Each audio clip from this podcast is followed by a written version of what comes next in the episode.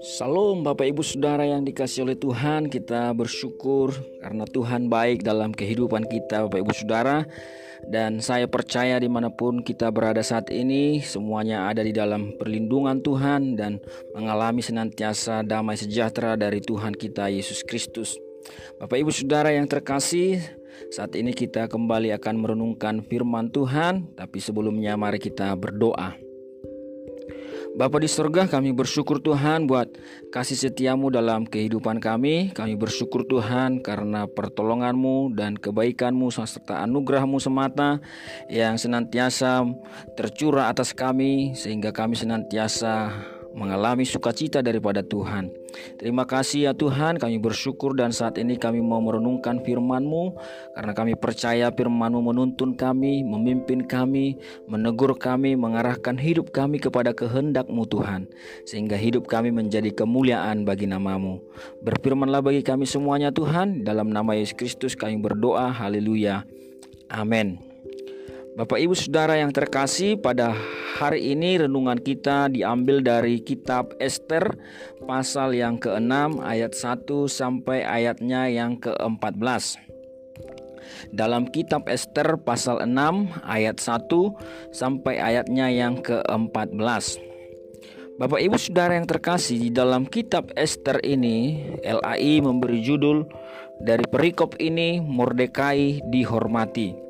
Nah, kemarin kita sudah melihat apa yang menjadi pelajaran sebelumnya di dalam pasal 4, pasal 5 semuanya dan kemudian kita masuk di dalam pasal 6 yang pada akhirnya Mordekai dihormati. Cerita ini adalah kisah di mana raja di dalam ayat 1 dikatakan tidak dapat tidur, maka bertitalah baginda membawa kitab pencatatan sejarah lalu dibacakan di hadapan raja. Kemudian dan di situ dia didapati suatu catatan tentang Mordekai yang pernah memberitahukan bahwa Biktan dan Teres dua orang sida-sida raja yang termasuk golongan penjaga pintu telah berikhtiar membunuh Raja Ahasuerus. Maka bertanyalah raja, kehormatan dan kebesaran apakah yang dianugerahkan kepada Mordekai oleh sebab perkara itu? Jawab para biduanda raja yang bertugas pada baginda kepadanya tidak dianugerahkan suatu apa pun. Nah, Bapak Ibu Saudara yang terkasih, entah apa yang merasuki raja pada masa itu, pada saat itu sehingga ia tidak bisa tidur, kemudian dia membuka catatan-catatan sejarah. Nah, ternyata di dalam catatan sejarah itu terdapat kisah bagaimana Mordekai menggagalkan rencana pembunuhan raja. Kemudian raja bertanya kepada para biduannya, raja bertanya kepada para ajudannya, apa yang sudah diberikan kepada Mordekai atas kebaikannya itu. Ternyata belum pernah dilakukan apa-apa. Nah, apa yang kita bisa pelajari dari sini Bapak Ibu Saudara? Ada hal penting yang dapat kita belajar sama-sama menjadi prinsip yang bisa kita pegang teguh, yaitu bahwa apa yang ditabur itu yang akan dituai. Mordekai telah menabur kebaikan Bapak Ibu Saudara. Sekalipun kebaikan yang dia buat itu sempat terlupakan. Jelas sekali di dalam ayat 1 sampai 3 ini belum ada diberikan penghormatan, belum ada balasan atas kebaikan daripada Mordekai atas apa yang telah dilakukan oleh Mordekai. Tetapi dari sini kita bisa melihat kemudian raja bertanya di dalam ayat 4, siapakah yang ada di pelataran itu? Kemudian pada waktu itu Haman baru datang, kemudian Haman terus keluar dan masuk ke dalam uh, istana Bapak Ibu Saudara. Nah, kemudian raja bertanya kepada Haman untuk memberitahu apa yang harus diberikan kepada orang yang raja berkenan kepadanya. Jadi ketika raja mengetahui bahwa Mordekai pernah menyelamatkan hidupnya, pernah menggagalkan rencana pembunuhan terhadapnya, maka raja bertanya kepada Haman apa yang bisa diberikan.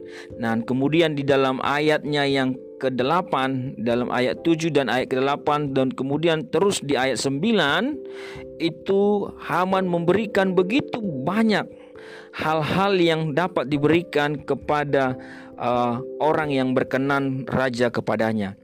Bapak Ibu Saudara yang terkasih, akhirnya di dalam kisah ini akhirnya Mordekai mendapatkan penghormatan, akhirnya Mordekai itu diarak, kemudian akhirnya Mordekai di pakaian-pakaian kebesaran, kemudian akhirnya Mordekai diperkenalkan kepada seluruh daerah itu, seluruh bangsa itu, sehingga semua orang menghormati Mordekai.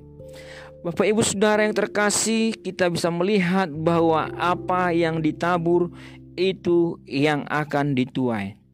Orang yang menabur pasti akan menuai.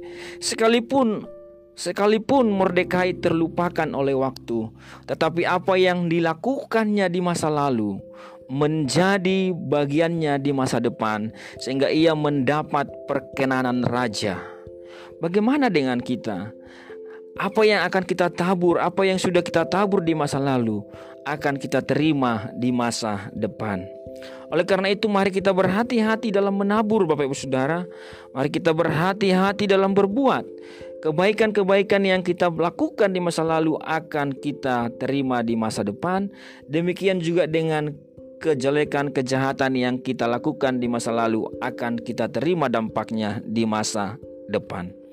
Bapak Ibu Saudara, hal yang kedua bisa kita lihat Bapak Ibu Saudara yang dapat kita pelajari adalah di dalam empat, di dalam ayat empat dikatakan bahwa Haman menyiapkan tiang untuk menggantung Mordekai. Haman begitu benci kepada Mordekai. Haman begitu benci kepada orang-orang Yahudi sehingga ia menyiapkan tiang khusus untuk menggantung Mordekai. Tapi ternyata Bapak Ibu Saudara kalau kita terus di dalam ayat pasal yang ke-7 dan pasal yang ke-8 maka kita akan melihat ternyata tiang itu yang disediakan oleh Haman itu ternyata akhirnya menggantung dirinya sendiri. Akhirnya raja menggantungkan Haman di tiang itu sendiri. Apa yang dapat kita pelajari dari sini? Sesuatu yang dilakukan dengan motivasi kejahatan akan kembali kepada diri kita sendiri. Jika kita melakukan sesuatu yang jahat, kita melakukan sesuatu untuk mencelakakan orang, percayalah kita juga akan menabur itu sendiri dan kita mungkin akan jatuh ke dalam lubang yang kita gali sendiri kita akan jatuh ke dalam lubang yang kita gali sendiri. Itulah pepatah yang sering dikatakan ketika kita selalu berniat jahat kepada orang lain, berniat jahat kepada orang lain. Sehingga sebenarnya niat jahat kita itu akan jatuh memakan diri kita sendiri. Oleh karena itu Bapak Ibu Saudara mari jaga selalu hati kita, jaga selalu motivasi kita. Jangan pernah izinkan Bapak Ibu Saudara kejahatan menguasai hati dan pikiran kita.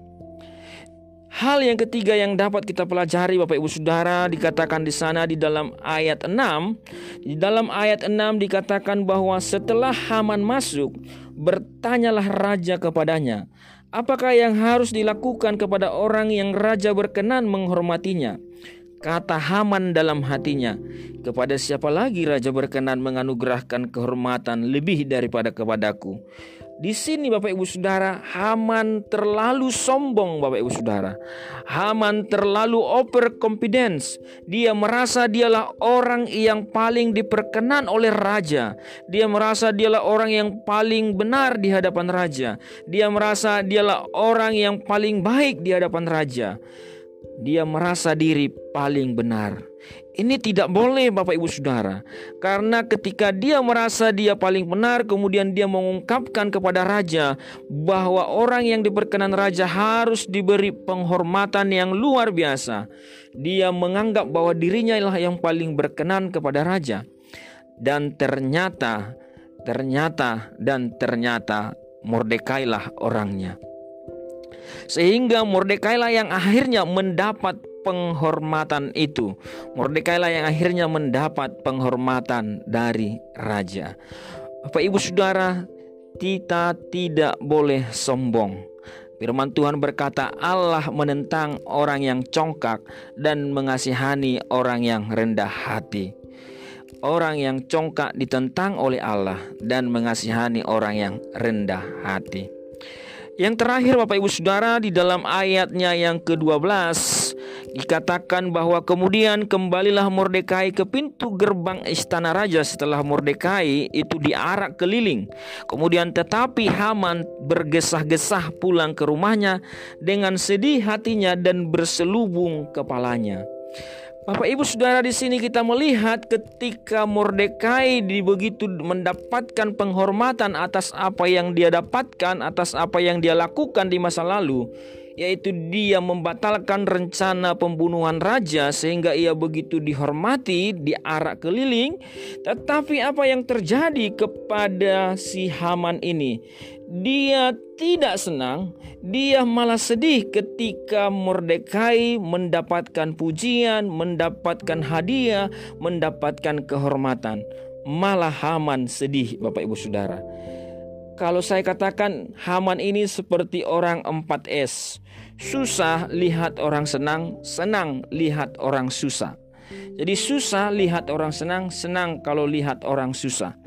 Artinya Bapak Ibu Saudara kebencian yang dimiliki oleh Haman Kepahitan yang dimiliki oleh Haman itu menghilangkan damai sejahtera Bapak Ibu Saudara yang terkasih ketika engkau membenci seseorang, ketika engkau mengalami kepahitan, maka semua itu akan menghilangkan damai sejahtera dari dalam hatimu, akan menghilangkan damai sejahtera, menghilangkan sukacita dari dalam hati kita, sehingga kita menjadi orang-orang 4S.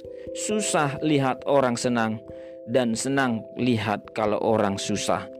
Harusnya tidak begitu, Bapak Ibu Saudara. Harusnya Haman senang melihat kalau Mordekai itu dimuliakan, dihormati. Harusnya kita senang kalau teman-teman kita itu mendapatkan kesuksesan, mendapatkan kebahagiaan, mendapatkan hadiah, mendapatkan penghormatan. Harusnya kita senang kalau teman-teman kita, saudara kita, keluarga kita, kalau mereka berhasil, anak-anaknya berhasil. Tetapi ada saja orang yang susah melihat orang lain senang dan senang sekali rasanya kalau dia melihat orang lain lagi susah. Bapak Ibu Saudara, mari kita senantiasa memurnikan hati kita. Mari kita senantiasa membasuh hati kita dengan firman Tuhan sehingga apa yang ada di dalam hati kita senantiasa benar-benar murni dan benar-benar hidup di dalam firman-Nya. Mari Bapak Ibu Saudara, kita menghidupi firman ini dan biarlah kiranya Tuhan memberkati kita semua, menuntun kita semua, memberi kita kekuatan untuk menjadi pelaku-pelaku firman-Nya. Mari kita berdoa. Bapa di surga kami bersyukur Tuhan buat firman-Mu mengajar kami Tuhan dan mengingatkan kami bahwa apa yang kami tabur akan kami tuai bahwa hati kami motivasi-motivasi yang jahat akan kembali kepada kami kesombongan akan menghancurkan kami kebencian akan menghilangkan damai sejahtera dan sukacita dalam hidup kami. Oleh karena itu Tuhan biarlah kiranya Engkau Allah yang senantiasa menyelidiki hati kami menyelidiki jalan-jalan kami kami dan Engkau Allah yang menuntun kami kepada kebenaran-Mu Tuhan. Berkatilah setiap kami yang sudah mendengarkan renungan ini Tuhan. Dan biarlah kiranya perlindungan Tuhan senantiasa turun atas kami, berkat Allah senantiasa dicurahkan atas kami. Terpujilah namamu Tuhan.